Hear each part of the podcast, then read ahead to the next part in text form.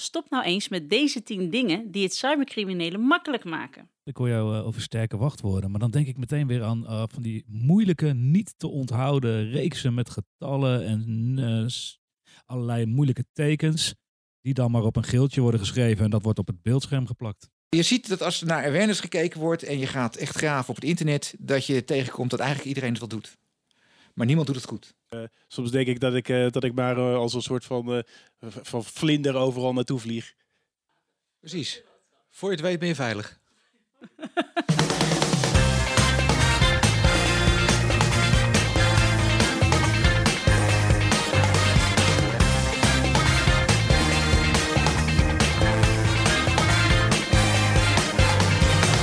Welkom bij alweer de achtste aflevering van de Security Talks podcast. De Nederlandse podcast over cybersecurity, waarin we iedere twee weken met security experts ingaan op wat hen bezighoudt, actueel cybernieuws, tips en tricks en natuurlijk ook gewoon een beetje fun.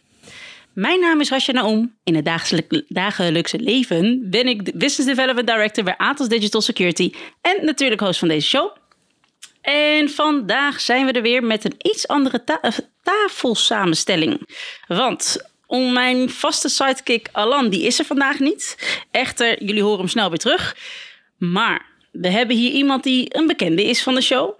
Iemand die de billen van de Kardashians heeft geïntroduceerd in de Security Talks podcast. Niemand minder dan Vince Hubar. Welkom Vince. Dankjewel, wat een introductie weer zeg joh. Ja hè? Tweede keer pas, maar uh, ja, ik ben graag aanwezig. Goed zo, goed zo. Dus Vince uh, vandaag als co-host.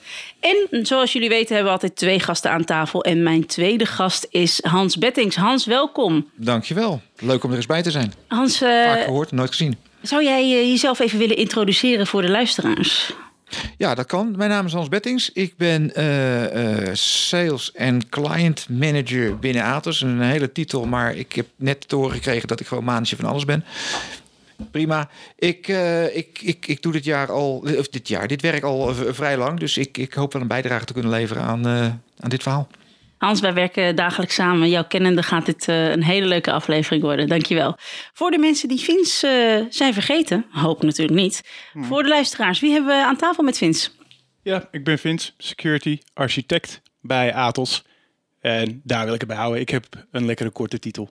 Goed zo, goed zo. Dan, uh, dan zeg ik welkom tijd om er weer een hele leuke show van te gaan maken. Heren, ik ben heel erg benieuwd naar de topics die vandaag centraal gaan staan. Nou heb ik al wat laten doorslijmeren. Of in ieder geval, ik weet al een beetje wat we vandaag gaan uh, behandelen. Uh, zelf vind ik het een hele leuke, leuke onderwerpen. Want ze sluiten heel mooi aan op uh, onderwerpen die we in de eerdere afleveringen kort hebben aangestipt. Maar vandaag staan ze echt centraal. En dan ga ik beginnen met jou, Hans. Dankjewel. Wat heb je meegenomen? nou, een glas water. En ik heb, daarnaast heb ik Kijk, ik ben, ik ben geen techneut. Hè? Dus ik, uh, ik hoop dat uh, Vince geen intelligente vragen gaat stellen. In ieder geval niet aan mij. Maak je geen zorgen hoor. Dankjewel. Maar uh, ik, ik werk met mensen. En je merkt ook dat cybersecurity is een mensending. Je kan alle techniek leerleggen. Maar als je mensen het fysieke, dan, uh, dan heb je een probleem. En dat probleem dat is te tackelen door de mensen op de juiste manier te informeren, te trainen, maar ook die training vol te houden. Dus vandaar dat ik het over uh, awareness wil hebben. Leuk. En wat, uh, wat ben jij tegengekomen in het nieuws over awareness? Nou, je ziet dat als er naar awareness gekeken wordt en je gaat echt graven op het internet, dat je tegenkomt dat eigenlijk iedereen het wel doet. Maar niemand doet het goed dat wil zeggen, dat is ook natuurlijk niet helemaal waar. Maar als je gewoon kijkt naar de, de kale cijfers, dan zie je dat uh, uh, awareness-programma's over het algemeen gewoon gedraaid worden door de, door de security teams. Nou, daar zit iedereen een beetje te geeuwen en te gapen. En vervolgens uh, is het een verplicht nummertje. En daar blijft het bij. Je ziet dat 8% van de organisaties in Nederland, en dat is erg laag. 8% van de organisaties die, die hebben een gestructureerd plan om hun mensen op een hoger niveau te brengen.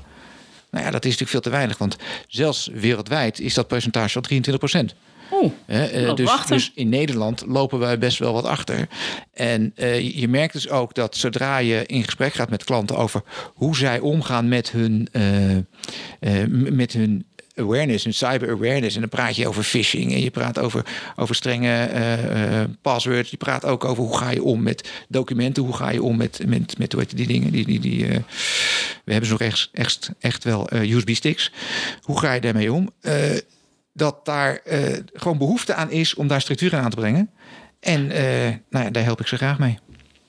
En als je dan kijkt, hè, want ehm, eh, je zit zelf dagdagelijks bij klanten aan tafel. Wat is dan de grootste uitdaging voor ze om ehm, eh, 8%? Ik schrik daar een beetje van. Ik denk, dat is heel laag. Wat, wat krijg jij terug vanuit klanten? Is het focus dan op nou, ik wil niet zeggen het verkeerde, want de meeste organisaties zijn nu druk bezig met focus aanbrengen op eh, cybersecurity, hun eh, cyber resilience omhoog brengen. Maar ehm, heb je enig idee als je ki- terugkijkt naar de gesprekken die je afgelopen tijd bijvoorbeeld hebt gevoerd? Wa- Waar Ja, ligt het dan aan dat, ja. dat we nog op 8% zitten? Nou, een groot probleem is eh, funding. Hè, eh, is, hoe, hoe belangrijk is het eh, op boordniveau? Kijk, iedereen beg- begrijpt dat cybersecurity vreselijk, in- eh, vreselijk belangrijk is, want iedereen ziet de cijfers. Maar vaak ziet een boord niet dat achter die cijfers gewoon mensen zitten. Heel plat gezegd, 77% van alle ransomware komt via mail binnen. Weet je, en dat betekent heel simpel dat 77% van de, mens, procent van de mensen gewoon op de verkeerde knop drukt. Nou, dat is, dat is dus één ding. Daarnaast is er een chronisch gebrek natuurlijk aan capaciteit. Eh, eh, mensen, kennis en kunde. Hè, eh, je, je, moet dat, je moet dat ook inrichten. Je moet daar ook ideeën voor hebben. En het staat gewoon veel te weinig echt op de roadmap. En, En dan liefst ook nog helemaal vooraan. mag, ik, mag ik iets vragen? Jij altijd. Is het moeilijk? Nee, ik denk het niet. Kijk, ik, denk, ik zit zelf, ben ik natuurlijk technisch. En dan denk ik van, nou, ik heb het allemaal wel goed voor elkaar. En eh, die 8% en zo, daar, eh, weet je wel, dat eh, zit wel goed bij mij. Maar is het binnen een bedrijf, merk je dan ook nog bij verschillende afdelingen verschillende maten van awareness of bewustzijn met betrekking tot security? Of is het gewoon over de hele organisatie hetzelfde? Maakt niet uit van, van managementniveau tot aan eh concierge, de, een eh, IT-specialist. Maakt niet. Het is allemaal, eh, iedereen laat wel steken vallen. Zit daar een Ja, Vince. Vince, god, wat een leuke vraag. Nou, nee, daar zit heel groot verschil in. Daar zit heel groot verschil in. En je merkt natuurlijk dat de mensen die dagelijks bezig zijn met cybersecurity ook inderdaad eh, daar anders tegenaan kijken. Eh, Vaak zijn dat ook de teams die de, de, spam-mailtjes eh, moeten oplossen of uit het systeem moeten halen of wat dan ook. Als je kijkt naar de mensen die niet de hele dag daarmee bezig zijn. En dan praat je over administrateurs, je praat eh, ook op managementniveau. Hè, want tegenwoordig wordt er gewoon ook via spearfishing specifiek gericht op bepaalde mensen. Omdat dat nou eenmaal grote stappen snel thuis. Eh, uiteindelijk gaat het maar om één ding, dat is geld. Hè, dus eh, dus daar, wordt op, daar wordt dan op gemikt. Maar als je gewoon kijkt naar, nou, kijk naar mijn eigen eh, vak. Verkoopmensen, die zijn aardlui. Dus die gaan heus niet eh, al te ingewikkeld doen over een mailtje. En zeker niet als er een, een, leuke spannende titel op zit. Nee, Maar die dat zien alles, wel- eh, alles als een opportunity natuurlijk. Nou ja, flikker. Dat, dat klinkt lullig, maar dat zijn wel dingen. Dat, dat, ze- dat, die hebben een andere houding ten opzichte van dat soort eh, omgevingen dan mensen die daar dagelijks mee bezig zijn, zoals jij. Dus ik, ik durf wel te, zeg, te zeggen dat daar behoorlijke verschillen in zitten. Ja. En ik las ehm, zelf ook nog iets over de Europese Raad, volgens mij, dat die eh, wat meer willen gaan sturen op, ehm, op, he- op het meer focus leggen ook op bedrijven, dat die verplicht ook focus moeten hebben op awareness voor, voor medewerkers. Volgens mij heb je dat artikel ook gelezen, hè, Ja. Hans? ja. Merk jij, ehm, ja, merk jij daar iets van? Nou, nu nog niet, want het is nog geen. eh, het, het, het is nog niet zover. Hè. Het is eh, de- NIS 2 eh, eh, eh, regeling. Het is overigens een, nog geen verplichting, dus dat moet nog omgezet worden in wetgeving en dat soort dingen. Dat is allemaal lastig, moeilijk en uitermate boring. Maar het moet wel geboren, eh, gebeuren. En dat, dat richt zich met name op de vitale infrastructuur. Daar voor compliancy aan de NIS 2 eh, eh. Ja, die moeten gewoon die, op die checklist eh, een vinkje kunnen zetten. Maar daar heb je ook wel gelijk het probleem. Hè? Voor een heleboel van dat bedrijven is, is het een, een, een vinkje zetten. Dus op het moment dat ze bij die eh 92% horen... die bijvoorbeeld één keer doen en daarmee denken van... probleem opgelost, vinkje gedaan... en volgend jaar voor de volgende compliance-keuring het weer moeten doen... dus weer een groepje mensen er doorheen halen... het lost het probleem niet op. Het probleem zit dieper. Weet je, iedere kleuter die je er wat wil laten doen, moet je het tig keer vertellen. Nou, jij weet er alles van. Jouw kleuter moet je waarschijnlijk twintig keer vertellen dat, dat die koekjespot niet helemaal alleen voor hem is. Ja, dat In klopt. ieder geval mijn kleuters moest ik dat wel vertellen. Dat werkt niet in één keer. Dus de kracht zit hem in de herhaling. En daar, daar schieten nog steeds bedrijven in tekort. Dus hoe exact die NIST eruit zien, dat weet ik niet. Eh, Ik heb hem niet gelezen. Ehm, maar ik hoop dat het in praktijk betekent dat ze gewoon met een strategie moeten komen. En een, een meerjarenplan of iets dergelijks. Hey, en die, eh, de kracht van herhaling, hoe zie jij dat eh, in praktijk terugkomen? Nou, je ziet, eh, wij werken met een, een platform van Nobi4. Ja, daar, daar, daar bouw je een heel programma in. Als wij met klanten praten, praat je over programma's van drie jaar. Oké, ja. en, met verschillende soorten training. En dan begin je natuurlijk vaak aan de voorkant, maar je kan ook dat soort platforms gebruiken om, om, om phishing mails uit te sturen. Dus om een nulmeting te doen, te kijken van wie reageert nou waarop. En dan zal je zien dat, wat Vince net vroeg, dat verschillende teams verschillend reageren op zo'n nulmeting. Maar op het moment dat je daar dus ook gericht op gaat trainen, ja, dan kan je dus gewoon zeggen dat die. ehm, eh, weet het, eh, dat daar verandering in komt. Je kunt het meten, zo heel simpel. Ja. Ik vond het wel mooi. Vorige, in eh, de vorige aflevering met de Volksbank hebben we heel kort ook even hierbij stilgestaan. Ik noemde, ik noemde toen zelf de human error.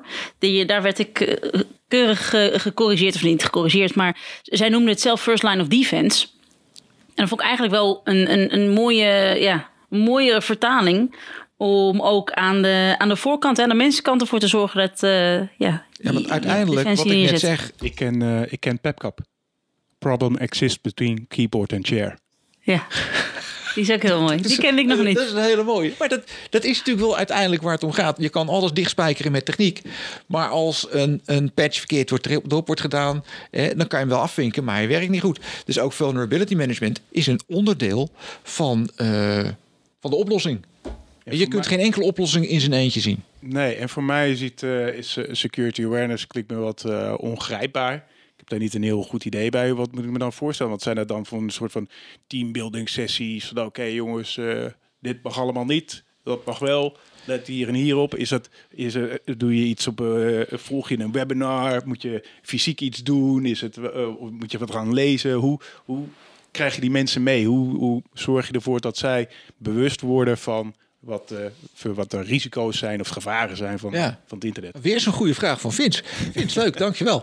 Eh ook dat is per team kan je dat anders doen. Normaal gesproken begin je, als je het even over, over phishing campagne hebt, begin je met een nulmeting. En daaruit komt gewoon per onderdeel van de organisatie. Ehm, je kan het op individueel niveau doen, maar we het even op organisatieonderdeel doen. Kan je zien welke onderdelen daar beter in zijn en zwakker in zijn. En dan, eh, dan moet je dus een campagne gaan bouwen. Dat betekent dat je, eh, dat je inderdaad gewoon eh, eigenlijk alle vormen van informatie gebruikt. Je gebruikt filmpjes, je gebruikt online trainingen, je gebruikt waarschijnlijk ook face-to-face. hè, als je de capaciteit in huis zet. Maar een heleboel bedrijven hebben niet eens meer hun eigen cybersecurity mensen. Dus die, die, die moeten dat ergens vandaan komen. En dat is ook vaak het probleem. Het kost moeite en effort om, om dat goed ingericht te krijgen. En vandaar dat slechts 8% van de bedrijven dat gedaan heeft.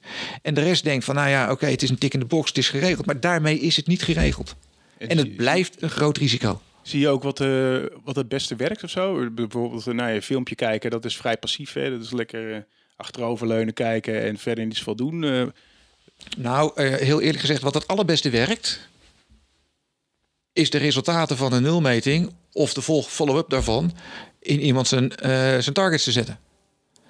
Dat je gewoon doodleuk zegt van, eh, je, je doet een, een, een nulmeting. Je ziet per individu, zie je van nou, die heeft op de verkeerde link gedrukt.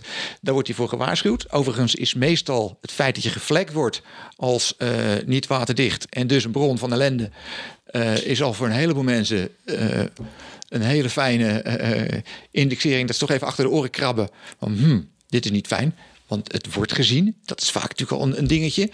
En eh, er zijn bedrijven die gewoon zeggen dat in hun eh, de, de doelstellingen van de, de, de, de zachtere doelstellingen van een, van een individu. eh, dat het gewoon meegenomen wordt. Oké, ja, moet je, zijn wij, volgens mij, ik weet niet of je helemaal klopt hoor, wat ik nu ga zeggen, maar zijn wij honden of katten? Ik bedoel, moeten wij beloond worden als we het goed doen, of moeten we gestraft worden als we het verkeerd doen? Wat, Nee, nee, nee. Het werkt, het, het werkt het, het effectiefst als je een vorm van eh, beloning hebt.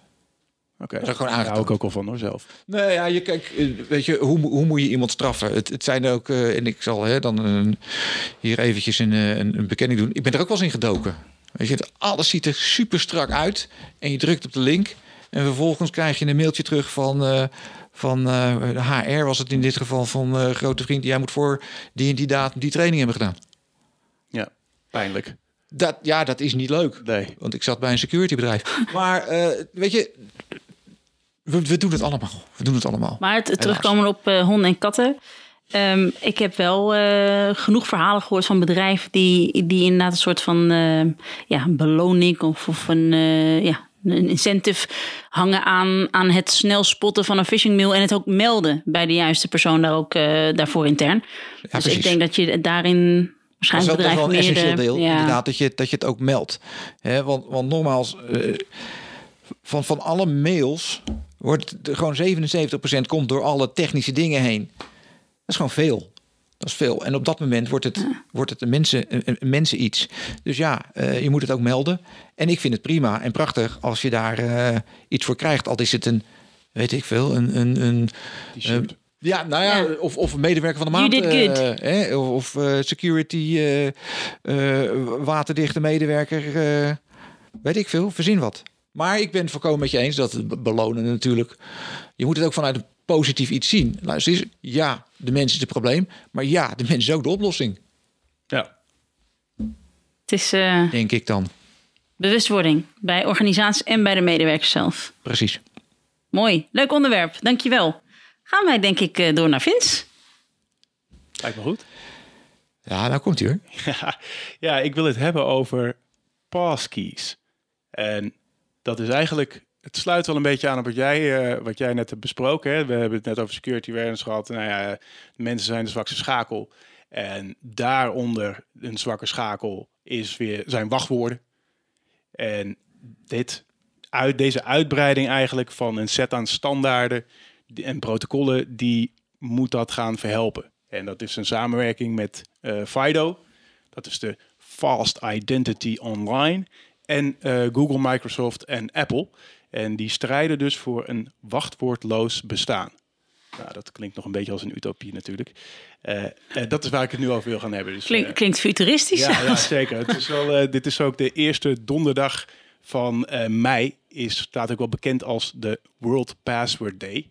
En het is natuurlijk wel ironisch dat zij op de World Password Day deze samenwerking hebben aangekondigd om juist van de wachtwoorden af te komen. Er is vast over nagedacht. Ja, was eh, voor ons overigens op, eh, op 5 mei, bevrijdingsdag. Dus wij worden bevrijd van de wachtwoorden, zou je kunnen zeggen misschien.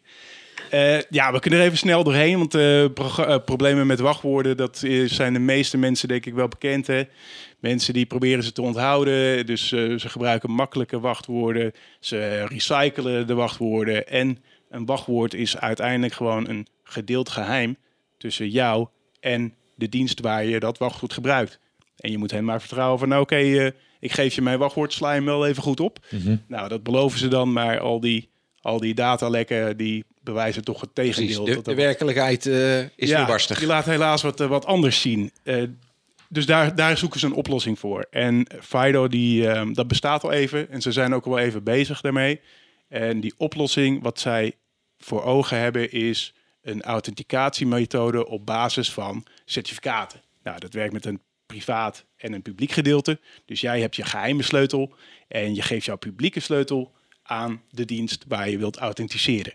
En die publieke sleutel zit al in de naam. Dat maakt eigenlijk niet uit waar het ding is. Die is publiek, daar zit niks geheims in. Maar die combinatie met elkaar die zorgt dat jij geauthenticeerd kunt worden. Maar op deze manier, eh, hoe, ze dat, hoe dat nu zit, is dat heel lastig. Dus Fido werkt met eh, die, die private sleutel, die is heel belangrijk. Als, die, als je die kwijtraakt of als iemand Ben je- anders die heeft, ja. dan, ja, dan is het jouw toegang tot die dienst. Dus wat zij nu doen, is dat met dat hardware keys. Dus je kent het misschien wel als een YubiKey. YubiKey. Daar ja. kun je dus al die wachtwoorden opslaan. Dus hoe dat, hoe dat loopt, ik zal even die stroom uitleggen.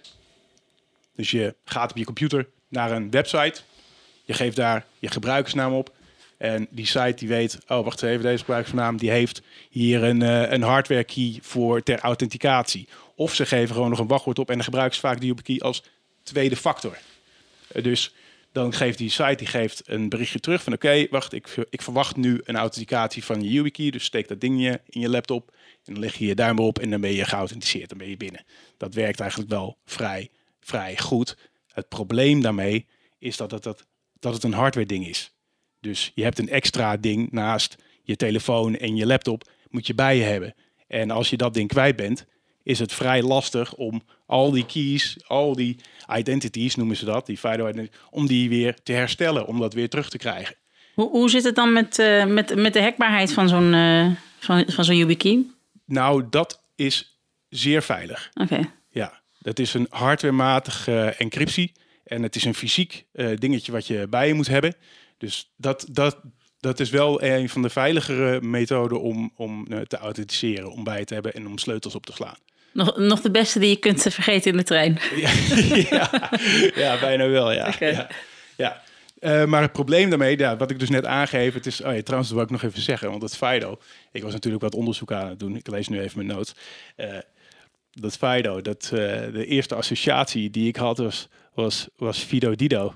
Dat was dat 7-Up mannetje van Och, vroeger. ja, de ja, ja. Ik weet niet of jullie dat kennen. Jazeker, met die gekke haren, ja. Met de WVR, ja. En ik heb daar nog een, een eh, spelletje van gespeeld op de Super Nintendo. Goed, ik, heb dat, eh, ik, ik raakte helemaal in een rabbit hole tijdens het onderzoek. Zat ik weer een van de YouTube-filmpjes te kijken van een walkthrough van dat spelletje Ja. en zo. Nou ja, goed. Ja, ik moest dat, eh, dat was het eerste waar ik aan moest denken. Maar vond ik, vond ik wel leuk.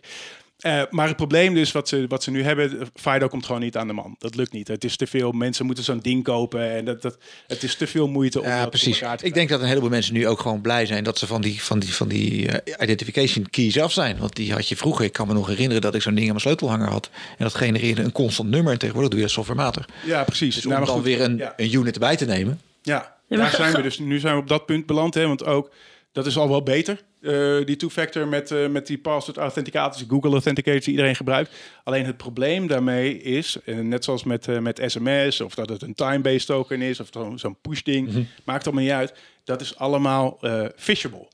Want jij hoeft niet in de buurt te zijn. Ja, Dus jij kunt nog steeds een nepsite voorgeschoteld krijgen.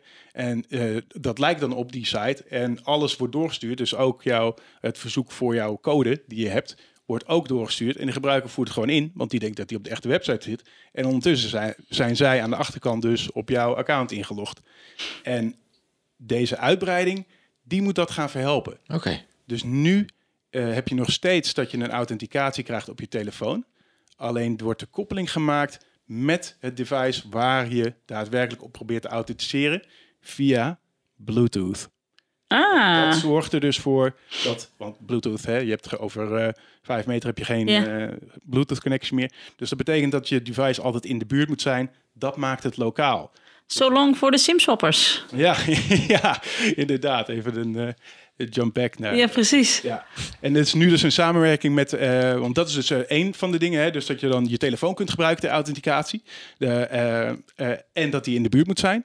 Dus dan heb je dat phishing niet meer, dat, dat, dat dek je daarmee af. En het tweede is natuurlijk die samenwerking met die partijen, dat eh, eh, Google, Apple en Microsoft.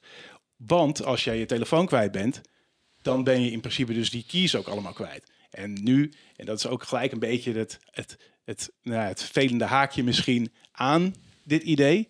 Want die key die wordt dus gesynct. Want iedereen heeft natuurlijk wel een ander, eh, bijvoorbeeld als je in het Apple ecosysteem zit, Ja. eh, dan sla je dat op in de iCloud of zo. Dus dan maakt het Pak niet het van een ander device. Nee, maakt niet zoveel uit dat je je telefoon kwijt bent. Dan heb je een nieuwe telefoon, nou log je in. Dan heb je ook die keys weer. Maar dan is, je legt dus wel jouw keys bij die provider neer.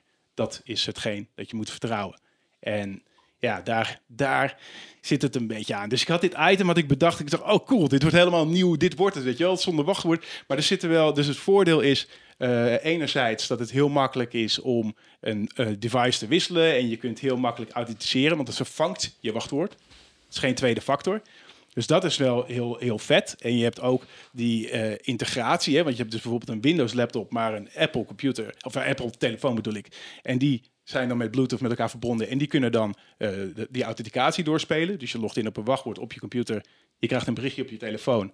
Die accepteer je en je bent ingelogd. Geen wachtwoord, niks meer. Dat is wel vet. Alleen ik vind het zelf, ja, zit ik er een beetje dubbel in met, nou oké, dan moet ik dus mijn, de- die identities in de cloud gaan opslaan. En dat, eh, Maar je, we, we vertrouwen de cloud nu toch ook met ook allerlei data? Ja, nou, dus is- in, in Klopt, het is, een gaat die beetje, op? het is een beetje dubbel. En ik zit, eh nou ja, goed, ik bracht dit nieuwsitem ook van, nou, dat, dat, dat, was eigenlijk waar ik naartoe wilde. Ik dacht, oh ja, ik vond het vet allemaal, deze nieuwe technologie. Eh, alleen, eh, ik wilde het toch een beetje brengen als iets neutraals misschien. Gewoon als, oké, dit zijn de ontwikkelingen naar het wachtwoordloze bestaan. Ja. En eerlijk gezegd weet ik nog niet helemaal hoe ik erin sta. Oké. Is, Wat eh, gaan, wat, wat gaan al die eh tech-reuzen, Apple, Google, Microsoft dan doen om dat te secure? Want zij moeten ergens dat vertrouwen gaan kweken bij de mensen dat ze ook gaan gebruiken. ja, dat vind ik een hele goede, goede vraag. Hè, heb ik ook eentje. Ja, je hebt er ook een. En eh, ik denk dat Raja er al een beetje antwoord op heeft gegeven. Je vertrouwt het al. Ja. Alles zit er al in. Je hebt al eh, mail daarvan. Eh, je hebt eh, weet ik veel wat voor Google-diensten je misschien wel gebruikt. Microsoft-accounts gebruik je misschien wel om je op je Windows in te loggen. Weet je, je eigenlijk vertrouw je ze al. Je doet eh, je, op je Google Chrome-browser, misschien sla je daar je wachtwoorden al wel in op. Weet je, het, het, is, het is er al, eh, dat vertrouwen is er stiekem al. Ste- stiekem geef je stukje bij beetje toch steeds meer op om voor gemak. Ja, En, dat, eh, dat Ja. geloof ik ook wel. Ja. Ja, precies. Nou, het leuke is, ik zat op een gegeven moment, eh, er kwam een eh, nieuwsbericht eh, voorbij vandaag in mijn mail. Met, eh, met eh, nou goed, allerlei nieuwsberichten. En toen werd ik getriggerd door deze. En dat vind ik echt wel leuk als ik nu hoor door de onderwerpen die we vandaag hebben besproken. Namelijk, stop nou eens met deze tien dingen die het cybercriminelen makkelijk maken. Nou, Oh. guess what? Phishing staat erin, in, dus terug naar, naar Hans. En ook, eh, even kijken, er is geen beleid dat sterke wachtwoorden afdwingt. Dus dit zou wel mooi zijn als deze oplossing eh, ja, van de grond komt om het hele wachtwoordenprobleem op te lossen. Ja, ja, zeker. Nog even het inbrekertje hier. Want ik hoor jou eh, over sterke wachtwoorden. Maar dan denk ik meteen weer aan eh, van die moeilijke, niet te onthouden reeksen met getallen en eh, allerlei moeilijke tekens. Die dan maar op een geeltje worden geschreven en dat wordt op het beeldscherm geplakt. En dan komt die mens weer in beeld. Dus is dan het veilige wachtwoord wel veilig? Of is het toch beter om geen paswoord te hebben? En moeten we toen naar biometrie? Ja, dat is dus wat, eh, wat dit eh, voorstelt. Hè. Die biometrie die vindt dan plaats op je toestel zonder, zonder wachtwoord. Dat heb je dan dus niet. Je hebt gewoon geen wachtwoord meer. Er kan Nee. geen wachtwoord gelekt worden. Dat is, dat is het, wel het veilige eraan. Staan er, eh, zijn er tijdslijnen eh, gecommuniceerd hierover? Wanneer we wat zouden kunnen verwachten? Nou, nee, ja, zoals ik zei, ja, goed dat je dat zegt. Want eh, er was een beetje een, een linkje. Nou, ze dus op, op 5 mei, op bevrijdingsdag, hadden ze dan dit, eh, deze samenwerking aangekondigd. En eh, op Koningsdag, 27 april, een paar dagen daarvoor, eh, hadden ze dus de eerste draft van, hiervan opgesteld. Maar wanneer dit daadwerkelijk in gebruik genomen gaat worden, weet ik niet. Maar misschien wel weer op een andere feestdag. Zit hier dan een Nederlander, Volgende week donderdag. zit hier een Nederlander achter die eh, op zijn- in zijn vrije tijd dit soort dingen doet? Ja, dat zou heel goed kunnen, ja. Hou alle nationale feestdagen de komende tijd goed in de gaten. Dat is de boodschap. Voor je het weet ben je veilig. Voor je het weet weer een mooie uitspraak. Dank jullie wel. Hele leuke onderwerpen. En dan nu de ventip.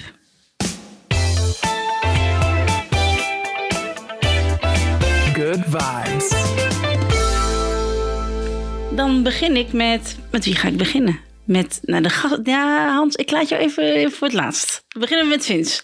Vins, wat heb je voor ons meegenomen? Ja, ik denk dat ik weer nee, hetzelfde als het vorige onderwerp eigenlijk. Dat ik er een beetje neutraal in sta, maar ik vond het wel een leuk weetje. Ik denk ook niet dat ik het zelf ga gebruiken. Oh, Eh, het heet poortnokking. Ik weet niet of iemand dat wat zegt, maar Ik kan het vertalen, maar voor de, nee, zegt het nee. niet zo nee, Nee. Het is, wat het dus eigenlijk is, eh, is dat je, ehm, nou, als je thuis, weet ik veel, eh, of, of van afstand bij iets thuis wilt komen, moet je eh, op je router of je firewall moet je een poortje openzetten. En dan kun je dus gescand worden van buitenaf en zien eh, mogelijke aanvallers. wel echt, dat, dat poortje staat open, dat poortje staat Daar kan ik wat op proberen. Maar met poortknocking moet je eerst zeggen van nou, ik ga eerst even op dat poortje aankloppen. Dan doe ik dat poortje, dan dat poortje. Een soort van pincode aan, aan poortjes die je doet. En dan pas daarna wordt de daadwerkelijke poort waarop je wilt verbinden, wordt ge- geopend. En alleen maar voor het IP-adres waar vandaan jij dat zogenaamde kloppen hebt gedaan. En dat eh, vond ik wel een leuke techniek. Dus dan ben je van buitenaf helemaal niet zichtbaar. Hè? Dus als jouw, jouw IP-adres wordt gescand of zo, dan staat geen enkele poort open. Maar als jij die geheime code van die verschillende poortjes zegt van oké, ik probeer het eerst hier, hier, hier en hier. Dan gaat er wel een ander poortje open en kun je verbinden en staat hij ook alleen maar open voor dat IP-adres. Dus dat, ik vond het wel, eh, wel leuk.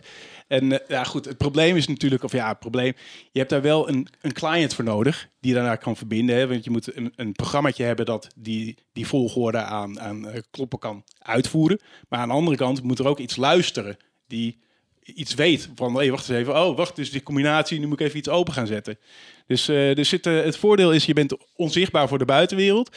Eh, het nadeel is dat je ook wel afhankelijk bent van dat speciale programmaatje wat draait bij jou thuis. Stel je voor dat je crasht, dan kun je er dus niet meer bij, bijvoorbeeld. Mm. Ja. Dus jij bent er nog niet over uit of je het wel of niet gaat proberen? Nee, Je nee, na- nee. Ik denk, ik denk eerlijk gezegd dat ik het niet ga proberen. Maar ik vind het gewoon een leuke techniek. Het is wel... eh, het is Ja, wel eh, grappig. Ik moet, ik moet gelijk aan Indiana Jones denken. Dat hij in de juiste volgorde op de juiste stenen moet gaan staan. Om niet eh, in een gat te vallen. ja, Maar ik denk wel een beetje in plaatjes. ja, als je hier op de juiste stenen staat, dan gaat er juist wel een gat open. Dat- Ja, precies. Ja, ja, precies. Ja, Daar wil je leuk. wel in. Ja. Leuk, dankjewel Vince. Hans, gaan we naar jou? Ja, ik heb er twee. oh, Ehm, kijk. Ik, ik, ik, promoot een boek. En dat vind ik zo'n geweldig boek. Eh, dat, dat heet Het is oorlog, maar niemand die het ziet. Dat is een boek van, eh, van Huub Modderkolk. En dat is een, eh, dat is een, journalist van de Volkskrant. En nog een aantal dingen. Maar goed, ik heb Huub ook wel eens gesproken. En die beschrijft daarin eigenlijk zijn weg. hoe die ooit in de, de, de, de, cybersecurity journalistiek terechtgekomen. Met heel veel cases. Eigenlijk zijn de cases het leukst. Die maken het, die maken het leven. Hij houdt het ook bij. Hè? Dus iedere nieuwe versie van het boek is, is bijgewerkt met nieuwe cases. Geweldig boek. Leest als een, eh, als een detective. En het is allemaal, allemaal echt. Het is allemaal echt. Sommige dingen. Ik heb hem nog je niet gelezen. hmm, krijg je het koud van. Koude ringen van. Aan te bevelen. Kost geloof ik 9 euro voor op je iPad of zo. Dat stelt niet zoveel voor. En wat ik heel erg leuk vind, en dat sluit ook wel een beetje bij aan. eh, ik, eh, ik moet regelmatig een, eh, vrij veel reizen. Hè? Dus ik zit elke dag zit ik een uur in de, in de auto. Maar dat, dan, dan zet ik een, een podcast op en ik luister heel graag naar de Darknet Diaries van Jack Resider. En waarom? Omdat hij op een redelijk nuchtere en voor eh klootjesvolk begrijpbare taal met wat humor, eh, allerlei eh, hacks basically eh, uitlegt, maar ook de hackers aan het woord laat of de FBI-agent aan het woord laat of dat soort dingen. is heel leuk. Ja, er zijn een aantal. ja. Leuke, leuke podcast. Is. Ja, het is een leuke podcast. En er zijn een. Ik, ik wil graag een aantal. eh, in episode 77 ging het over de Olympische Spelen in 2018. Nou, zeker vanuit Atens perspectief is dat wel een hele grappige. Niet per se een goede, maar wel een hele grappige. Wat ook wel een hele leuke is, is episode 3. Die gaat over DigiNotar. En DigiNotar, daar wordt ook uitgebreid over geschreven in het boek van Huub. In, eh, eh, dat is wel grappig. Wij hebben hier een zaal die heet WannaCry. Ja. Er is dus een aflevering 73, die gaat over WannaCry. Kijk, En, ik... eh, en op het ogenblik is er wel een hele aardige, nou ja, heel aardig, het is niet zo aardig. Dat gaat over, dat is episode 54. Dat gaat over NotPetya. En dat Ja. gaat over een digitale aanval van Rusland op Oekraïne. Hij is, eh, dat is allemaal al vrij oud, dus het is niks nieuws waar we nu in zitten. Maar dat, eh, dat waren mijn eh, fun facts. Top, dankjewel voor het delen. Uiteraard, alle artikelen die we hebben gelezen, de, de funtips die zijn gedeeld, die komen allemaal terug in de show notes. Zeker. En ehm, daarmee zijn we alweer aan het einde van de achtste aflevering gekomen. Schiet lekker op. Ja, gaat snel hè? Ja, zeker. Zo Hoe vonden jullie het? Eh, ik vond het erg leuk. Ja? Ja, ja, ja, ja. Het is altijd toch wel wat spannend aan de voorkant. Hè? Maar ik, eh, ik vond het erg leuk. Ik ben benieuwd naar het eindresultaat. En mijn vrouw ook. Oh, nou, nog even gedeeld. Je mag een shout-out doen hoor. Ja, ik vond het toch ook alweer, ook al is het de tweede keer, het blijft een beetje spannend en het, het lastige voor mij, maar goed, misschien komt dat, eh, komt dat later, eh, persoonlijke ontwikkeling. Ik vind het wel lastig om, om soms die, die lijn erin te houden in je verhaal, weet je wel? Van eh, begin, eh, midden, eind, Oh. met je kop, staart. Moest dat Dus, ook eh, nog? Soms denk ik dat ik, eh, dat ik maar eh, als een soort van, eh, van vlinder overal naartoe vlieg. Vl- Vlinders zijn meer dan welkom in deze podcast hoor. Oh, ik voel me Het fijn. gaat... het eh, viel best mee, Vince. Oké, ja, dankjewel. het gaat, uiteindelijk eh, hebben we een leuke interactie. Hopen we natuurlijk voor de luisteraars. En ehm, ja, voel je vrij als luisteraar om hier ook eh, op te reageren en eh, te laten weten wat je ervan vindt. Nou, wij zijn in ieder geval dus aan het einde gekomen. Eh, het zit erop. We hopen dat de luisteraar heeft genoten van deze podcast. Vergeet je niet te abonneren op onze Spotify-lijst om niks te missen uiteraard. En over twee weken zijn we er weer. Spreek nieuwe collega's met nieuw cybersecurity nieuws en zaken die hen bezighoudt. Dus ik zeg dank voor het luisteren. Tot de volgende. Tot ziens. Misschien tot de volgende keer.